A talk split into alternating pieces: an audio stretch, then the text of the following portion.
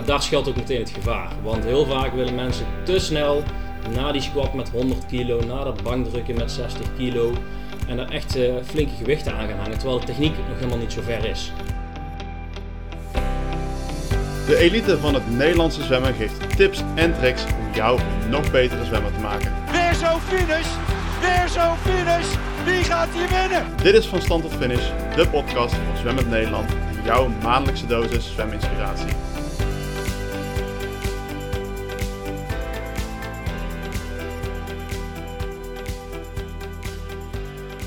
En uh, voor de gast van deze maand zitten we op een van mijn uh, favoriete plekken in het zwembad, namelijk bij de krachtzaal. En ik zit hier met uh, mijn krachttrainer Michiel Reiners. Hoi Michiel. Goedemiddag Stan. Ja, um, heb jij al ooit eerder een podcast mee opgenomen? Nee, dit is de nee? allereerste keer. En dat is wel een lekkere binnenkomen dan. Dat is een hele mooie om mee te beginnen. ja, dat dacht ik. Um, nou ja, ik ken je natuurlijk al een paar jaar. Um, maar voor de mensen die jou niet kennen, of je jezelf heel even kort wil voorstellen. En ik ben wel benieuwd, waarom ben je uiteindelijk krachttrainer geworden? En wat drijft jou eigenlijk om elke dag hier naartoe te komen? Nou, dan, uh, dan zal ik daar eens mee gaan beginnen. Mijn naam is uh, Michiel Reinders. Ik ben 33 jaar oud en ik uh, kom uit het pittoreske Asten. Kijk. Noord-Brabant. Jazeker. Het is, het is er één nog. Ja hoor, ja, ja, ja. Ik ben gelukkig getrouwd met Yvonne en wij hebben twee zoontjes, Stef en Lex. Lex die is pas een maand oud, dus wij zitten lekker in de half slapeloze nachten, zullen we maar even zeggen. Het is niet aan je af te zien hoor. Maar, oh, nou, dat is een heel mooi compliment. dankjewel, dankjewel. Dan zal ik het qua voorstellen daar ook even bij laten. Dat doe maar. Um, waarom ben ik krachttrainer geworden? Ja, dat is een hele goede vraag eigenlijk. En daar zit ik wel een, uh, ik denk wel een leuk verhaaltje achter. Ik had vroeger uh, als uh, jong mannetje de droom om profvoetballer te worden. Zoals 95% van de jonge mannetjes. Maar al redelijk snel bleek die droom een, een niet, niet halen missie te zijn. Ja, ja. Dus, uh, maar topsport heeft me wel altijd uh, blijven fascineren. En uh, daarnaast heeft ook het menselijk lichaam altijd een grote fascinatie in mijn leven. En ik keek als klein kind ook heel graag altijd naar ziekenhuisprogramma waarin ze operaties uitvoerden. Dus ik, ik had heel jong al de droom om chirurg te worden. Oh, nou dat is wel heel snel van profvoetballer naar chirurg. Van profvoetballer naar chirurg, ja. Het is voor mij misschien een logisch bruggetje, maar het is wel een grote stap. Maar toen het moment daar kwam dat ik echt eens goed moest gaan nadenken over wat ik met mijn toekomst ging doen, ja, waren er voor mij eigenlijk twee opties. En dat was enerzijds geneeskunde, om toch die chirurg in mij naar boven te halen. Ja, ja. Of sporthogeschool. En uh, sporthogeschool, ja, dan ga je iets meer de praktijkkant op. En uiteindelijk ben ik toch mijn hart gevolgd. En mijn hart lag toch iets meer bij de sport dan bij de geneeskunde. Dus ik ben uh, toen een opleiding uh, sporthogeschool gaan volgen aan de Fontes in Sittard destijds. Die zitten nu tegenwoordig in Eindhoven, hier om de hoek. Oké, ja. En uh, daarnaast, daarnaast ben ik toen stage gaan lopen bij de plek waar ik uiteindelijk ook mijn eerste baan heb gevonden. En daar werkte ik in de trainings- en voedingsbegeleiding. Met allerlei verschillende doelgroepen. Dus daar waren mensen die revaliderend waren vanuit een ziekte. Daar waren mensen met een nieuwe knie, die net een hernia achter de rug hadden. Maar ook bijvoorbeeld uh, jonge talenten uit de regio die toch een ambitie hadden om in de topsport te gaan groeien. Uh, bijvoorbeeld, ik was daar met een uh, wielrenster aan de slag die uh, echt wel grote stappen maakte binnen het vrouwenwielrennen. toen nog als jong meisje, nu inmiddels bij de elite.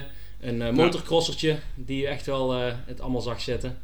Dus vanuit daar raakte ik eigenlijk voor de eerste keer in de, de trainingsbegeleiding met topsporters aan, aan de slag. En ja, dat, dat intrigeerde mij wel heel dat erg. Dat beviel wel, zeg dat maar. Beviel wel, ja. ja. Dat beviel enorm. En ehm, toen ben ik toch nog verder gaan studeren, want ik voelde dat ik nog niet helemaal klaar was met leren. Dus ik ben nog een uh, master bewegingswetenschappen in Maastricht aan de universiteit gaan volgen. En toen ik eenmaal een paar jaartjes uh, ervaring had in het, uh, in het werk, werkcircuit, kwam er een vacature voorbij. Hier op het destijds nog CTO Eindhoven, nu inmiddels ja. Team NL Centrum Zuid. Kijk. Maar toen kwam er een vacature voorbij als strength and conditioning coach. En ik dacht van ja, dat, die kans die moet ik aangrijpen, want dat is wat ik uiteindelijk wil. Ja.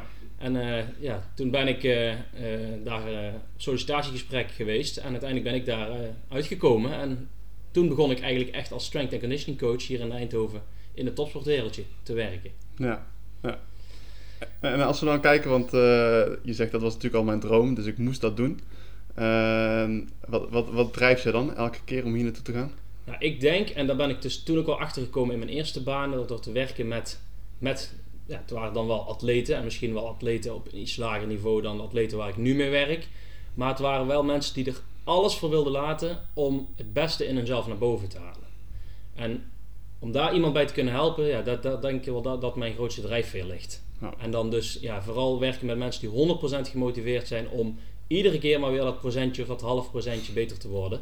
En ja, dat, daar ben ik dan heel graag een onderdeeltje van. En wat ik daarnaast wel heel mooi vind, is dat ik daar zelf niet alles voor hoef te laten. Ja, nee, absoluut. Ja, oké. Want ik blijf toch een Brabander, dus eh, een hapje en een drankje en carnaval, dat zit wel in het bloed. Dat kan op zijn tijd nog wel eens een keer leuk zijn. Dat kan op zijn tijd nog wel heel leuk zijn. Ja. Dus eh, ja, dat, dat, dat- daar komt denk ik wel die grootste drijfveer vandaan. Eigenlijk het beste van beide heb je dus. Ja, ja zo kun je het wel zeggen. mooi, Ja. Mooi. En Michiel, ehm, 11 mei gaan als het goed is de zwembaden weer open. Laten we het hopen dat het eh, tegen die tijd kan. Ehm, nou als zwemmers dan het water ingaan en eh, na 300 meter denken van shit, dit valt me toch wel even vies tegen. Wat zou je tegen hun willen zeggen dat ze zich kunnen voorbereiden dat het niet tegen gaat vallen? Want het, afgezien van het technische gedeelte, hoe kunnen ze zich fysiek voorbereiden? Ja, dat is een goede vraag en ik denk ook wel een heel diverse vraag. Want eh, ik denk dat er dan al dat er heel veel zwemmers staan te popelen om dan weer het water in te springen. En dan heb je het misschien over zwemmers van eh, 60 jaar en zwemmers van 6 jaar. En alles wat ertussenin zit, is ook van verschillende niveaus en met verschillende doelstellingen. Maar over het algemeen, en dan ga ik er even vanuit dat je thuis geen materialen hebt. Hè, want Mhm. sommigen zullen misschien wat gewicht hebben, of sommigen zullen misschien een spinningbike hebben of een racefiets. Maar ik denk dat de beste manier om je daarop voor te bereiden is eh, middels circuittraining is. Waarom? Ja, waarom? Omdat je dan een stukje kracht en conditie in één training kan vangen. Zonder dat je daar al te veel eh, materialen of bijna zelfs geen materialen voor nodig hebt. Beetje bodyweight dingen Nou eigenlijk. ja, ja daar, daar kun je zeker mee starten. En je kunt echt wel oefeningen wat zwaarder maken. Maar als ik dan bijvoorbeeld aan een praktijkvoorbeeldje denk, eh, kun je bijvoorbeeld denken aan het afwisselen van 30 seconden in oefening met 30 seconden rust. Dan weer 30 seconden in oefening en 30 seconden rust. En als je dan zo bijvoorbeeld een viertal oefeningen pakt, waarbij je de benen doet, de buikspieren doet eh, en bijvoorbeeld nog twee oefeningen voor het bovenlichaam erbij pakt, iedere keer dat mooi afwisselt, ja, dan kun je best wel mooie full body circuitjes maken, waarin je zowel op kracht als conditieniveau ja, jezelf Ja, zo goed mogelijk ja. voorbereidt. Ja, maar dat is natuurlijk wel in wat je zegt voor mensen die eh, eh, wat ouder zijn, is dat anders dan voor wat jongere mensen van, Ja. van mijn leeftijd. Ja. Zi- zitten dan ook, eh, zou je zeggen, verschillende soort oefeningen die mensen moeten doen? Of is het dat je het gewoon echt aanpast naar wat je op dat moment kan? ja, ik denk dat je heel erg moet aanpassen naar eh, wat je op dat moment kan. Zowel qua materialen, zoals ik net al zei, maar ook zeker het, het niveau en de doelstelling waarmee jij eh, wil werken. Alleen, kijk, je kunt, of je nou 6 bent of 60 bent, je kunt altijd, tenzij je fysieke beperking hebt, je kunt altijd een squat uitvoeren. Ja. Met puur lichaamsgewicht. Je kunt altijd een buikspieroefening doen. Je kunt opdrukken, maar als je niet zo goed kunt opdrukken, kun je opdrukken op je knieën of tegen een tafel of tegen een muur. Ja. En als je wel wat beter kan opdrukken, dan kun je eh, vlak op de grond opdrukken of zelfs je voet op een verhoging leggen. Of het beneden even vasthouden. Dus zo kun je best wel goed differentiëren en het naar je eigen niveau aanpassen. Maar als jij in 30 seconden eh 30 squats maakt, ja, dan eh, is dat redelijk intensief. Maar als jij op niveau iets lager zit en je maakt in die 30 seconden 5 squats, dan is dat ook al trainen. Mhm. Ja, snap ik. Ja. Eh, en als we dan weer eens terug gaan pakken naar de krachttraining, want uiteindelijk gaan ook weer de sportschool lopen als het goed is. En zwemmers die eh, moeten het vooral natuurlijk hebben van zwemtraining, maar daarnaast ga je op een gegeven moment ook krachttraining doen. Eh, krachttraining voor beginnende, ja, beginnende jongeren eigenlijk, want ik denk dat je begint met krachttrainen rond de 15, 16. Eh, misschien iets eerder, is natuurlijk wel anders dan voor zwemmers rond mijn leeftijd, van ergens midden 20. Ehm, Jij, jij schrijft krachttrainingen ook hier voor verschillende groepen. Voor het eh, OC hier, dus dat zijn wat de jongere zwemmers, en voor het HPC. Ja. Ehm, hoe pas jij dat verschil daarin toe? Nou, ik denk dat het allerbelangrijkste is dat je, eh, jij weet dat Stan, hè, daar hamer ik ook, eh, ook bij jou nog steeds op, maar dat ja, ja. de techniek het allerbelangrijkste is. En vaak wordt gezien dat krachttraining voor kinderen bijvoorbeeld een risico zou zijn. Maar inmiddels is al lang bewezen dat ook voor kinderen krachttraining een van de meest effectieve vormen van trainen is. Mits je dit maar doet met de juiste techniek en, zeker bij de jonkies onder ons, daar niet te veel gewicht op gaat hangen. Maar daar schuilt ook meteen het gevaar. Want heel vaak willen mensen te snel na die squat met 100 kilo, na dat bankdrukken met 60 kilo en er echt eh, flinke gewichten aan gaan hangen, terwijl de techniek nog helemaal niet zo ver is. Dus ik zou echt als als advies geven, start gewoon met alleen maar lichaamsgewicht. Start met focus op de juiste techniek en ga dan stap voor stap opbouwen. En want ik zie hier nog steeds, nou, ik wil niet zeggen op wekelijkse basis, maar op maandelijkse basis zie ik voorbeelden binnenkomen eh, van jongens of meisjes die echt gewoon de stappen overgeslagen geslagen hebben. En Ja. die zeg maar nog niet eens een fatsoenlijke squat uit kunnen voeren, maar toch al 100 kilo op de nek gooien, omdat misschien iemand gezegd heeft tegen ze dat dat uiteindelijk is wat je moet doen om beter te worden. Of dat ze dat zelf gezien hebben op tv, want dat doet diegene die hard zwemt, dus moet ik ook dat gaan doen. Alleen in het beginsel investeren in de techniek gaat je heel veel tijdwinst aan de achterkant opleveren. En nog veel belangrijker, veel blessures voorkomen. Ja, ja. Oké, en als we dan eh, eh, terugpakken, als je dat zou doen door een seizoen heen, dus eh, ehm, je begint op een gegeven moment met techniek, eh, squats en eh, misschien een keer een eh, push-up, dus alleen op gewicht. Maar ik kan me ook voorstellen dat je het na een paar weken alleen die oefening doen toch wel zat bent, om alleen maar dat te doen. Hoe zorg je dan toch voor dat je door seizoen heen wat differentieert in oefeningen? Hoe bouw jij bijvoorbeeld een krachtschema voor ons op door het jaar heen? Ja, nou als we die twee even, even zeg maar uit elkaar trekken. Hè, en een, een, een krachttrainingsschema van een seizoen voor jullie ziet er in mijn optiek heel anders uit dan een krachtschema van iemand van 15 die net begint met krachttraining. Ja, ja. Maar als we wat verder zijn in de carrière en je hebt wat meer jaren ervaring eh, in krachttraining, ja, dan kun je ook wel echt gaan periodiseren naar piekmomenten toe. Mhm. En ehm, hoe wij het voornamelijk doen is eh, starten met wat meer basiskracht en wat meer zwaardere oefeningen op hogere gewichten met langzamere snelheid van uitvoering. Waardoor je echt die basis legt en dus echt sterker aan het worden bent. Vervolgens maken we dan vaak een transitie naar iets meer explosiviteit in de krachttraining. Dus dan komt de snelheid al iets hoger te liggen, maar daar blijft kracht ook nog wel een onderdeel. Ja. En als we dan richting die laatste fase, richting een wedstrijd gaan, of in ieder geval een belangrijke wedstrijd gaan, dan proberen we ook in een aantal krachtoefeningen de snelheid van beweging op te gaan zoeken die ook in de sport plaatsvinden. Dus dan maken we vaak nog een sprong in snelheid en eh, dan wordt het krachtsonderdeel, het echte zware krachtsonderdeel, wordt eh, wel wat iets minder. Maar eh, dat blijven we ook zeker onderhouden.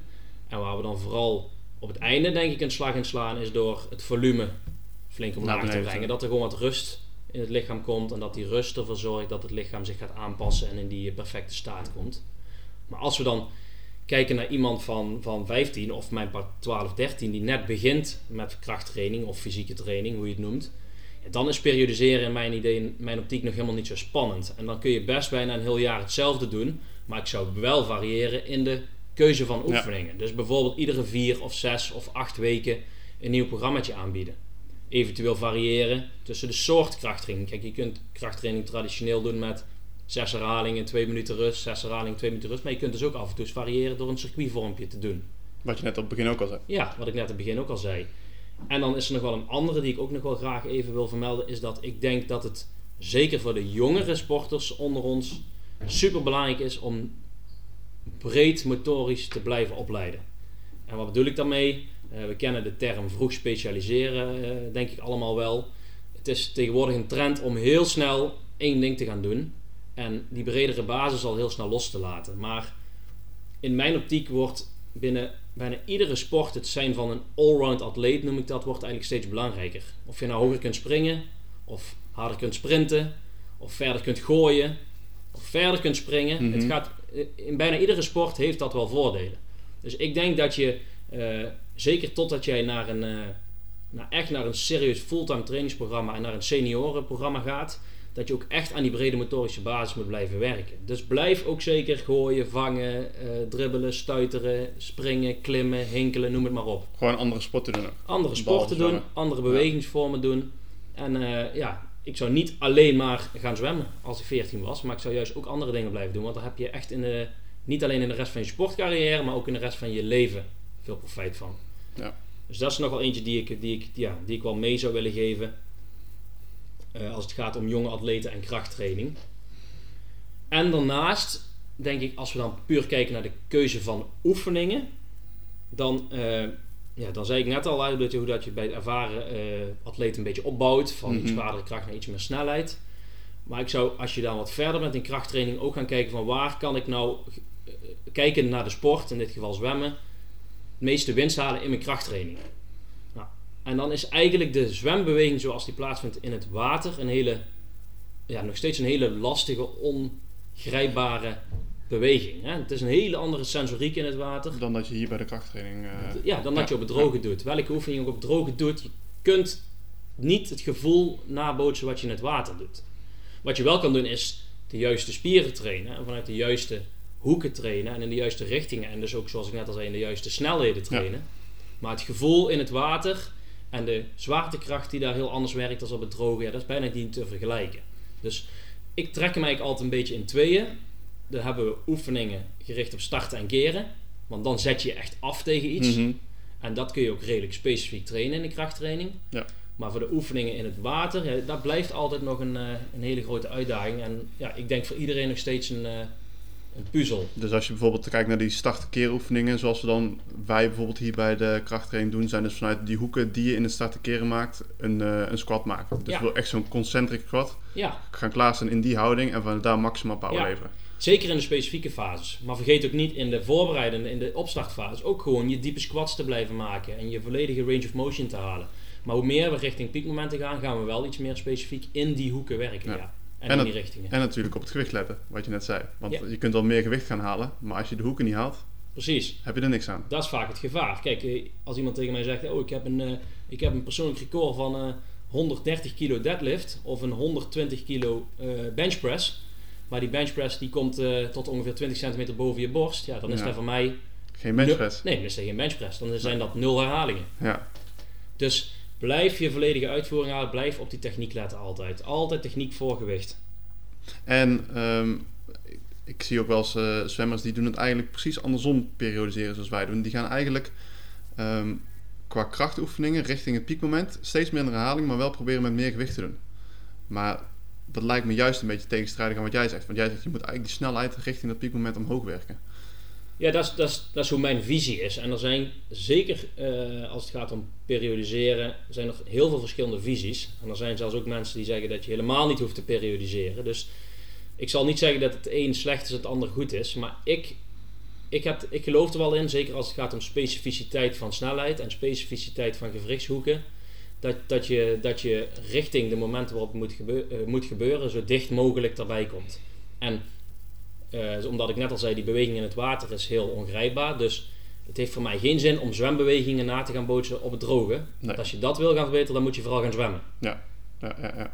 Maar wel in die eh, snelheidsfase zitten. Ja, dus. ja. Want je, als je dus ehm, als zwemmer zijnde een hoge slagfrequentie wil halen, lijkt me, dan lijkt me ook handig dat je oefeningen doet die een beetje in de buurt komen van de snelheid waarmee je die door al in het water maakt. Ja, dan kun je daar wel baat bij hebben. Als we het hebben over een stukje muscle memory, dan is die spier in ieder geval wel gewend om met een bepaalde weerstand op die bepaalde snelheid te bewegen. Ja, dus, En één, dus, een, dus een paar, een paar herhalingen, maar heel zwaar.